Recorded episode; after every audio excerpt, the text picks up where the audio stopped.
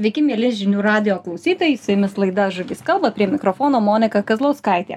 Šiandieną kalbėsimės apie labai įdomią žuvį, kurios žuklės pikas, galima sakyti, jau yra gerokai įsibėgėjęs.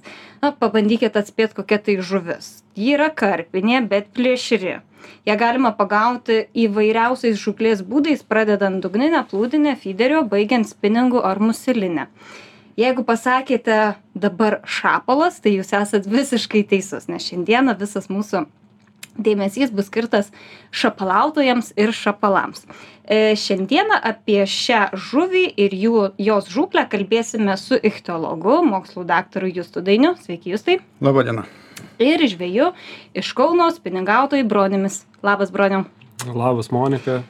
Taip, tai Justai, tokią padarom trumpą intro. Papasakokit kas yra per žuvis šapalas. Karpinės žuvys dažniausiai jos yra taikios žuvys na salatis gal irgi yra plėšri žuvis šapalas irgi yra plėšrus. Tai vis dėlto kokia tai yra žuvis kuo jinai yra įdomi? Nu jo kaip ir sakėt karpinė žuvis e, kaip ir reofilinė bet toks tarpinis variantas tarp e, reofilinė reiškia gyvenantis sraunumose upėje bet šapalas iš tikro yra viena iš tų žuvų kurios gali gyvent tiek ir greitoj srovėj lėtoj srovėj kartais ežeruose tvenkiniuose e, jeigu yra įleisti tai jisai yra toks tarpinis variantas tarp reofilinių ir limnofilinių žuvų mhm. e, vienas dalykas kitas dalykas tai viena turbūt iš plačiausiai paplitusių žuvų lietuvos upėse sutinkama daugumoje turbūt upių gal išskyrus pačius mažiausius šaltavandenius upelius. A, pakankamai gausi mėgstama žvejų mėgėjų. Taip labai mėgstama žvejų mėgėjų vat kaip ir pristačiau praktiškai visais įrankiais galima pagauti broniau jūs daugiausiai gaudot spiningu ar ne? Tikrai taip. Aš aišku, po sunkių ichtiologo terminų pereisiu prie tų paprastų žemiškų. mhm. Tai turbūt viena populiariausių vasaros žuvų tarp e, mūsų spiningautojų tai šapalas.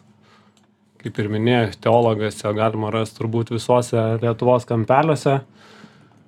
Kadangi turim upių tinklą tikrai labai didelį ir platų, tai aš manau, todėl tokia populiari tarp mūsų žvėjų. o kuo pat pats šapalas jums pačiam taip toks įdomus nes vat jūsų feisbuką žiūrint tai aš matau šapalas šapalas šapalas atrodo kad e, vat šiuo sezonu kitų žuvų net nėra Jo, aš turbūt save priskirčiau prie tų vasarinio etatinių šapalautojų. Tai šapalo žavesys turbūt yra tas pirmas galingas smūgis, a, jo tos potencialios buvimo vietos, kur mes jų ieškom, tai yra didelė greita srovė, dažnais atvejais, aišku, ne visais. Tai tikrai tos ganėtinai spūdingos kovos, kaip žvėjai sakom, atiduok spiningą, tas pirmas kontaktas, kai kartais a, užsimiršęs iš tikrųjų gali atiduoti tą spiningą šapalui. Ir be abejo turbūt paviršiniai masalai. Mhm. apie masalus dar šiek tiek pasikalbėsim bet dar justai jūsų noriu paklausti apie pačią žuvį. Man asmeniškai šitai laidai labai mažai ruoštis reikėjo nes žvejai patys prisiuntė klausimų. Šita žūklė jiems tikrai yra įdomi. Tai praktiškai šapalams žūklės draudimo jokio nėra ar ne? Tai reiškiasi kad juos galima žvejoti net per jų nerštą. Taip. kokia apskritai padėtis su šapalų populiacija? Kažkokie gal tyrimai užkliuvo jum už akies? Ar buvo daryta kas nors? Kažkokių konkrečiai šapalus orientuotų tyrimų turbūt nėra. Jie ten vertinami monitoringo metu iš principo kaip ir visos kitos žuvys bet šapalas savotiškai turi tokį privalumą prieš ten kitas jautresnes žuvis kad jis yra pakankamai plastiška pakankamai gerai prisitaiko prie įvairių ekologinių sąlygų. Tai jie pakankamai greit atsistato jeigu kažkas buvo blogo nutikę ir gali gyvent pakankamai plačiam buveinių diapazone sakykim. Tai jie gana vislūs yra kam kur čia yra vienas tas jų dalykas vislūs kitas dalykas pakankamai plastiški nejautrūs aplinkos sąlygoms tai pakankamai plačiai išplitę pakankamai gausūs. Jeigu kažkas nutinka greit atsistato tai bendrai paėmus jų būklė nėra bloga lietuvoj kažkokių didesnių į į vieną ar į kitą pusę šuolių gausumo nesimato. E, žvejai dažnai nori pagaut aišku pagauti jau šapalą smagu bet visi nori to trofėjaus pagauti. E, broniau kokią žuvį didžiausią esi pagavęs Tai turbūt tarp mūsų tai šapalų bendruomeniai tokia nerašyta taisyklė, kad to trofėjom laikom, mes kadangi jų nesveriam daugumą, kas juos rimtai gaudom, tai uh, matuojam ilgį, tai jau tas virš 50 cm šapalas, jis jau toks skaitosi gražus, gražus tikrai trofėjinis šapalas. pats esu pagavęs a, tų 58-ukų, Mhm. niekaip neperlipu 60 cm ribos, bet tikrai esu matęs ir, ir žinau, kad tokie mūsų upėse gyvena. Mhm.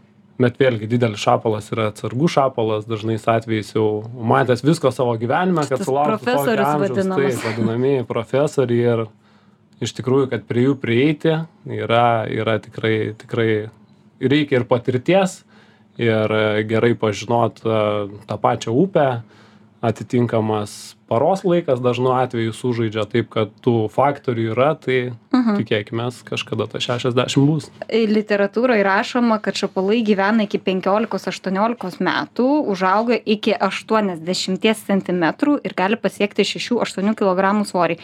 Um, tai ar dėl kad pas mus tokių žuvų žvejai mažai pagauna dėl to, kad pas mus jų gali būti per mažai, ar tiesiog mūsų klimatas galbūt nėra tinkamas užaukti iki tokio dydžio?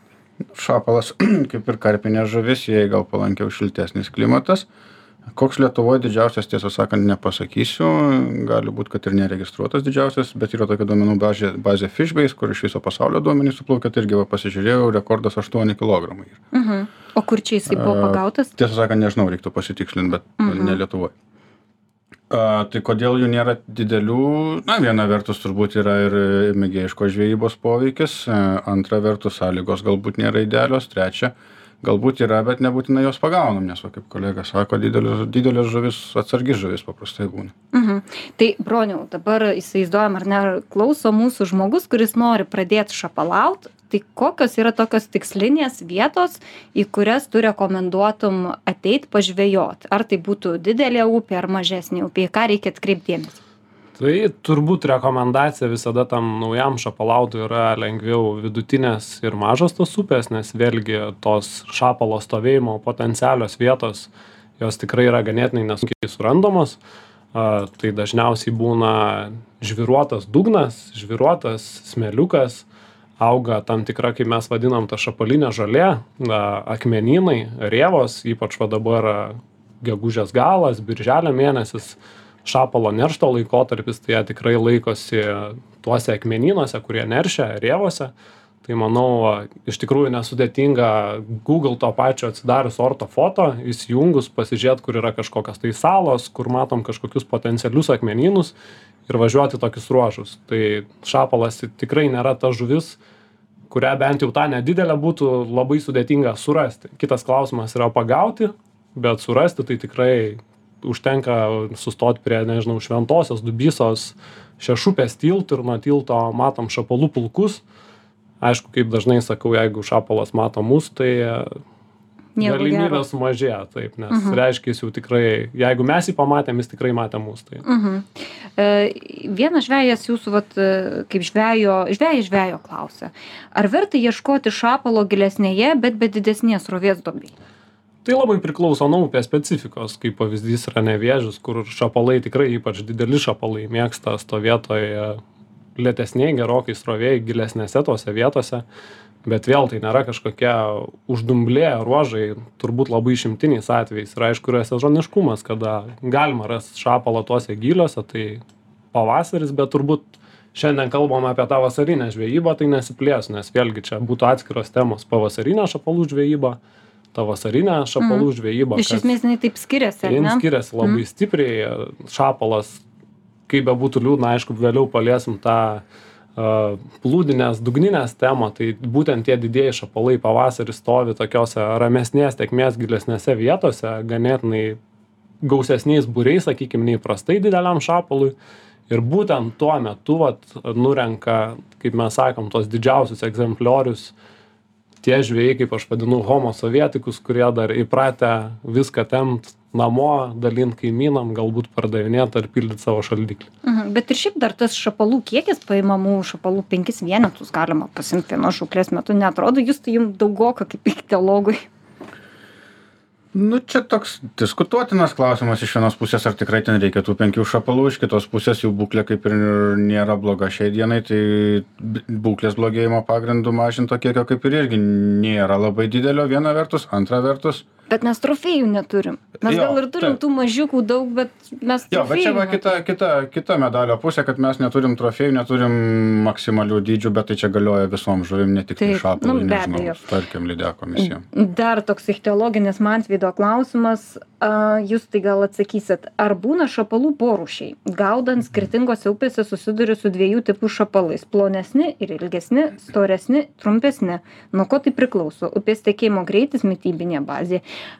Ar čia kaip ir žmogui? Ir vienas aukštas, kitas žemas ir taip tas pats ir šapalam galioja, ar čia kiti dėsniai? Jo, ta prasme, porušių kažkokių tai nėra, storumas, ilgumas čia greičiausiai priklauso nuo mytybinės bazės ir nuo pačios upės specifikos, lygiai taip pat kaip lydekos būna upėse trumpesnės, storesnės, tvirtesnės, ežeruose plonesnės, ilgesnės, tai su šapalais lygiai tas pats. Mhm. Bet tai nėra porušio klausimas. Taip, o kaip yra apskritai su šapalų mytybinė baze? Nes, vat, atrodo, skirtingų metų laikų jie skirtingai labai maitinasi. Tai priklauso turbūt nuo to, ką jie gali susirasti toj upėje, ar ne? Tai lervutės kažkokios, tada jau ritasi vabaliukai, dar kažkas, mailius. Tai vad kaip cikliškai, kuo, vat, ką valgo šapalai, žiūri nuo naujų metų Mm. iki, naujų, me- iki metų pabaigos. Nu tai paprastai tariant, kas telpa į burną, tą, tą ir valgo iš principo. Dideli šapalai turbūt yra daugiau mažiau plėšus, maitinasi ten žuvim, bet kokie vėžiai irgi visai tinka, galbūt didesnės vabžių lervos. Smulkesni irgi atitinkamai žuvų mailium, vabžių lervom, bentose kažkokiais esančiais nedideliais organizmais, Mhm. plankto, planktone esančiais, nu, pelagėlį esančiais organizmais, vandens tarybė. Taip, E, broniau, dažnai matau tokias diskusijas e, tarp šapalautojų, kaip čia yra su tuo debesuotumu, oro sąlygom, ar ne pats e, vakar žvejojai, buvo gana toks permainingas oras ir, ir lyjo, ir debesų buvo, ir pagavai šapalų. Tai čia ne laiką galioja ta taisyklė, kad šapalai kimba tik saulė šviečiant. Ne, čia manau, ta taisyklė galbūt labiau yra šapalai kimba tik saulė šviečiant, tai čia žmonės akcentuojasi, kurie gaudo absoliučiai tik tai paviršiniais masalais. Iš tikrųjų, tada yra didesnis e, įvairios, įvairių tiek musių, laumžirgių, karkvablių ir taip toliau skridimas. Lietus vėlgi nusodina visus šitus vabzdžius. Tiesiog reikia prie to prisitaikyti elementariai, šiek tiek giliau neriantis vobleriai, bet čapalas tikrai tokiais vakarais kaip vakar, tarkim, kai siunčiau video, ten valandą laiko lyjo negalėjau žvejot, paskui prasigėdrino, bet vėlgi linuoja ir jie puikiai kybo ir gražų šapalai. Tai aš manau, kad labiau šapalas galbūt reaguoja į temperatūrą. Jeigu vakaras iš tikrųjų kaip vakar temperatūra stipriai nekrito, jis buvo šiltas, tas, kaip mes žvėjai vadinam, labai geras minkštas oras, kai tu jauti, vat, kad žuvis turi maitintis, tai jis tikrai puikiai maitinasi, tiesiog reikia prisitaikyti. Galbūt jisai negrieps nuo paviršiaus, nes logiška, kad tuo metu neskris kažkokie vabzdžiai, bet gilesniam sluoksniai tu jį tikrai puikiai surasi ir prie šapalo prisitaikius, aš manau, galima gaudyti absoliučiai visom sąlygom. Mhm. Ir vat kaip tik čia yra lino klausimas, tai galbūt iškart galime jį atsakyti. Vasarą gaudant spiningų 90 procentų kibimų prieš rievą, rievoje arba už jos. Ar tai reiškia, kad gilesniuose ruožuose jų nėra, ar tiesiog reikia naudoti kitokius masalus, kaip ir jūs minėjot, paviršyje plaukiančius voblerius, e, tai yra ne paviršyje plaukiančius voblerius, ar kitokius pravedimus daryti. Tai vienareikšmiškai faktas, kad visos mūsų upės yra labai skirtingos, kaip ir minėjau, tas pats nevėžis yra tikrai lėtesnės tekmės nei kokia dubysa, sakykime, ar šventoji. Ir šapalai stovi tuose ramesniuose ruožuose ir tikrai dideli šapalai automatiškai vėlgi skiriasi ir tos vietos, ne visada yra rėvos. Vidutinės mažos upės, įvairios išgraužos, įvirtę medžiai, įėjimai, duobiai išėjimai, smėliuko salelės, tai tų vietų yra X. Tai negalima sakyti, kad būtent visada kibs ar visada rasim šapalą tik tai, tik tai rėvos. Tas pats su dideliu nemunu. Aš gaudau dabar taip akmenynai rėvos, bet Liepos vidurys rūpjūti šapalas pasislenka, atsiranda žiogai, žiogų periodas, jas lenkasi tada automatiškai išeina dažniausiai iš turėjau, kiek rodo, tad, nu, ganėtinai daugia metą patirtis ir eina būtent prie žolių, kur rankia įvairius vabžius. Mhm. O kaip yra su tom spalvom? Ar čia daugiau žvejo tikėjimas ta spalva yra, ar vis tik reikia kažkokius ryškesnius atspalvius rinktis? Be abejo, kiekviena upė irgi turi labai savo specifikos atsižvelgiant į mytybinę bazę, atsižvelgiant, kaip pavyzdys dabar buvo karkvabalio laikotarpis, tai kažkokias spalvas taikom galbūt į karkvabalį, ateis rūpjūtis, a, labiau veiks tie žiogo atspalviai, vėl vienoje upėje natūralesni masalai, aišku, vėlgi apšvietimas, vandens skaidrumas. Nu čia tie esminiai faktoriai turbūt e, kurie yra kiekvienoj žvejyboj ir masalus pritaikom pagal tai bet kad šapalas tikrai yra išrankus spalvom tai galiu patvirtint nes netekę ne kartą įsitikint kai ten trisdešim voblerių jausdamas kad turi būt šapalas pramėto ir vat kaip pavyzdys paskutiniu metu labai puikiai violetinė spalva mėlyna veikia nes paskutines dvi savaites pradėjo skraidyt mėlyni laumžirgiai. Tai šapalas jais tikrai maitinasi ir gali paduot dešim skirtingų voblerių turbūt bus rezultatas dešim prie vieno tose vietose kur aš gaudau būtent žiūrint į tas spalvas o justai kaip yra vat su tuo žuvų regėjimu? Jos tikrai taip gerai atskiria tuos atspalvius kad va čia laumžirgis violetinis tai vobleris irgi panašios spalvos turi būti. Nu vėl su spalvų skyrimu jo čia didelis klausimas daug diskusijų visokių vyksta daug visokių tyrimų yra tiesą sakant galėtų būt daugiau būtų daugiau informacijos bet iš principo spalva skiria. Kas skiria blogiau kas skiria geriau vėlgi čia nuo rūšies priklauso nuo tada kada maitinasi. Panašu kad naktį aktyvios žuvys prasčiau skiria spalvas negu tos dieną besimaitinančios bet spalvas skiria vienas dalykas kitas dalykas gerai skiria kontrastus tai irgi kartais gali būt visai svarbu kiek tas a, masalas kontrastuoja ar ant jo esantis raštas kontrastuoja Mhm. O rečiau, bet vis tik yra pagaunama ir ežeruose šapalų. Tai vis dėlto tie ežerai turi būti pratekantys, ar ne, jeigu natūraliai ten šapalas gyvena. Um, ar jie, pavyzdžiui, gali neršti ežere, ar jie vis tik išplaukia į upes? Jo ežeruose gyvena būna galų gale žiemojimui turbūt iš arčiau esančių upių atkarpų gali susirinkt didesnėse nu ežeruose arba didesnėse duobėse be abejo upėse žiemoja. O kas link neršto tai yra turbūt vienas tiktai straipsnis apie šapalų nerštą ežere bet ten toks kaip sensacija pateiktas ir tai greičiausiai buvo tiesiog iš didelės bėdos tiem šapalam. Tai normaliu atveju ežeruose neneršia neršia va kaip kolega teisingai sakė rėvoj greitoj srovėj kur kietas dugnas žvirgždas gargždas kažkoks Mhm. Aš dar turiu vieną klausimą apie šapalus lietoj tekmėj, tvenkiniuose, bet aš jau jį užduosiu po pertraukos. Niekur nepabėkit, likit su šapalais ir su žinių radiju. Tuoj sugrįšim. Sveiki sugrįžę, su jumis laida Žuvys kalba, prie mikrofono Monika Kazlauskaitė. Toliau kalbamės apie šapalų pasaulį kartu su ichtiologu Justu Dainiu ir šapalautojų žvėjų broniumi. Tai um, prižadėjau apie tą lėtą tėkmę. Man asmeniškai įdomu, kaip yra su šapalais, kurie yra įžuvinti į kažkokį privatų prūdą arba tvenkinyje, kur jie gyvena. Tai taip išeina, kad jie neneršia, nepratėsi giminės jau, jūs tai. nu normaliu atveju nerštas turbūt neturėtų vykt jeigu įvyksta kažkas reiškias įdomaus čia labai yra kas gal būtų visai įdomu ir iš mokslinės pusės bet iš principo jo tvenkiny tai jis ten gali puikiai gyvent augt e, bet nerštas normaliu atveju neturėtų vykti Mhm. Broniau, mes prieš laidą kalbėjom apie batonų, batoną ir batonų gaudančius žvėjus. Kodėl neturi akies ant batonininkų? Nežinau nenoriu įžeist tikrai čia ypač senosios kartos atstovų kurie įpra įpratę gaudyt šapalus ypač pavasarį ankstyvą pavasarį palaidinę ar ar e, dugninę meškerę šapalus batonu kukurūzais. Bet yra yra tikrai ta tendencija pastebim patys aišku mes gaudom kitą žuvį bet dažnai prasilenki panašiose vietose nery ir matai tuos maksimos maišiukus su tais įvairaus dydžio šapalais ta pati kauno legendinė nevėžio duobė yra kur tikrai žiemą daug šapalų ten susirenka turbūt žiemoti.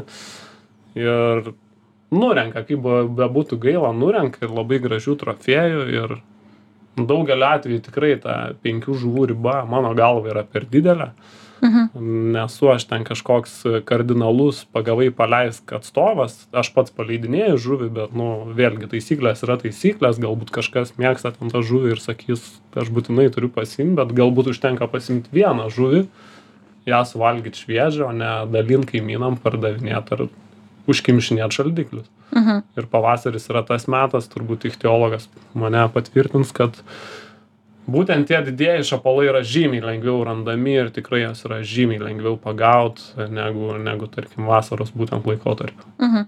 Tai jūs tai kaip čia, vat, ar jie tiesiog aktyviau maitinasi tuo laiku, ar jie yra labiau išalkę po žiemos, išvargę po tos žiemos, kaip va čia taip atsitinka? nu viena vertus jo po žiemos jiem reikia atstatyti energetinius resursus kuriuos per žiemą sueikvojo kitas dalykas artėja nerštas energijos ir tam reikia tai maitinimasis suaktyvėja matomai o kas link kiekių paimamų ar ten dydžių tai be abejo nu man atrodo vėlgi tie patys žvejai mėgėjai turėtų būt labiausiai suinteresuoti tuo kad būtų daug žuvų ten šapalų ne šapalų nesvarbu ko Mhm.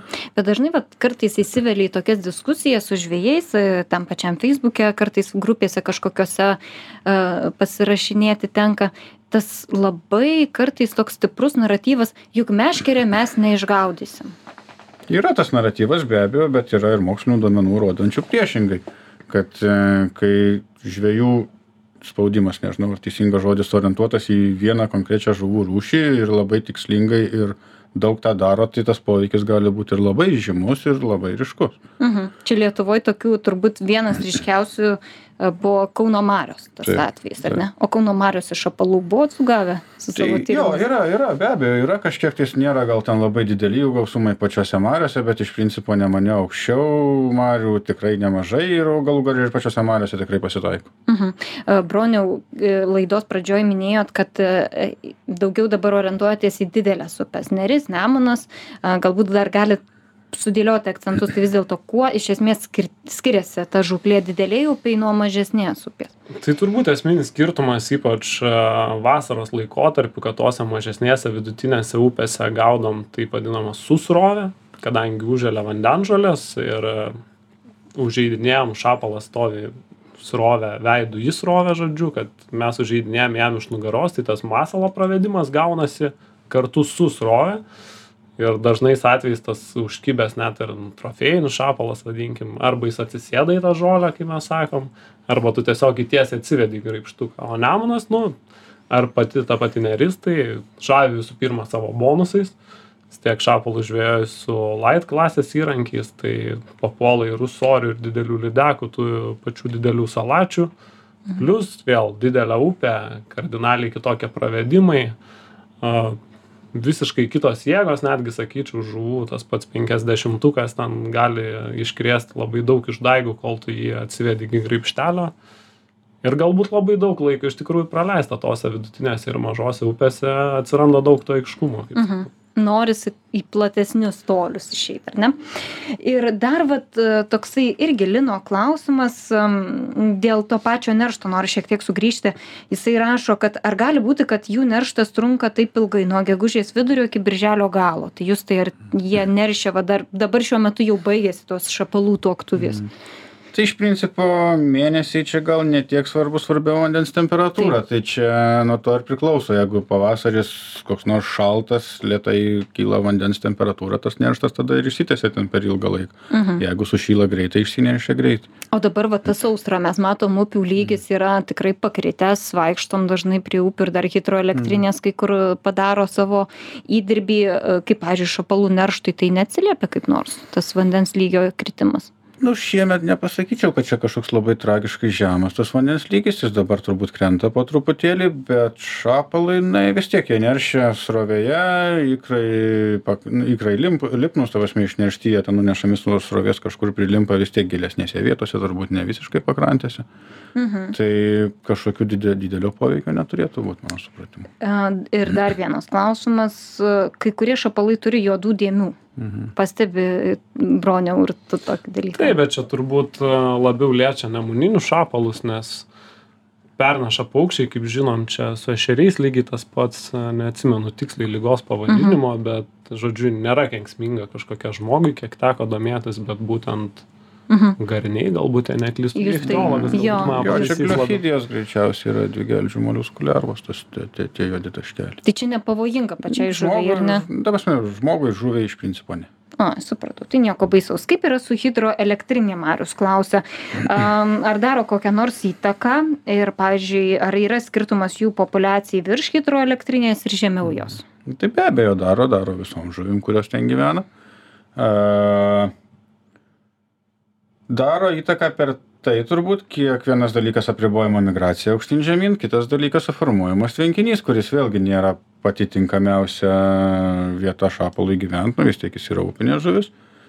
A, vienas dalykas, kitas dalykas, vėlgi, jeigu yra kelios hidroelektrinės, ar, nu, užtvankos, sakykime, suformuojami keli tvenkiniai, tai čia turbūt irgi toks klausimas, kiek daug atstumo nuo vienos iki kitos, kiek jam tiek li- lieka tinkamų buveinių.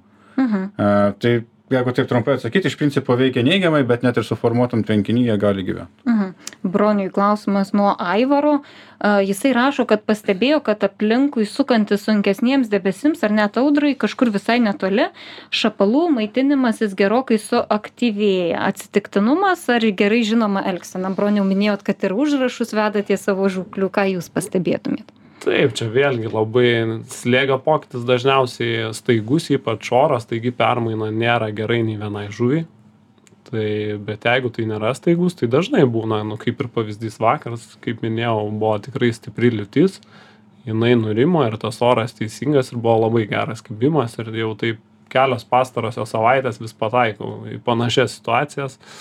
Tai a, šapalas tikrai tikrai gerai kimba aktyviai bet vėlgi priklauso kokia ta audra ten ar daug žaibų griaustiniai ir Jau visa jie griaustinis, tai gal iš vis nereikia būti prie Mm, upės. Tai taip, gal, gal tada reiktų kažkur atokiau pabūti ir, ir nebraidyti su spiningu rankose.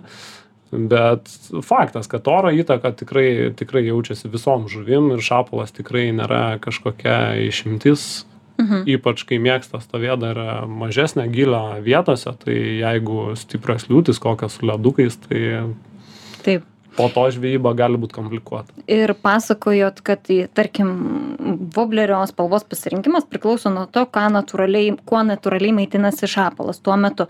Bet vis dėlto, jeigu, tarkim, na, saulė pasislepia už debesies, jau, tarkim, yra šiek tiek taip e, debesuota, tamsiau, ar kažkaip reikia keisti masalo Tai spalvą? be abejo, visada ieškai ir keiti. Šiemet kardinaliai, tarkim, nemune man kitokios spalvos dirbo nei pernai, šiemet natūralūs atspalviai, nors vanduo nėra iš kažkoks skaidrus. Ir būtent daugiausia ir didelių šapalų pagaunu natūraliais atspalviais.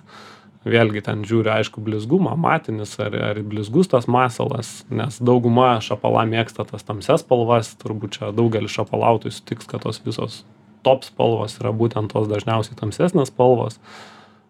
Nery, nery puikiai veikia ryškalai, kur kitose upėse labai dažnai visiškai jokio atsako iš šapalo jos nebūna. Taip kad kiekviena upė turi to savo specifikos ir tikrai tu, kaip sakau, ne tik žvėjų reikia gražių spalvų, bet ir šapalui paieškoti. Mhm. Aišku, gal nereikia 50 voblerių, jau ten turim tą darbinę savo dėžutę, bet kartais ir tą darbinę nesudirba.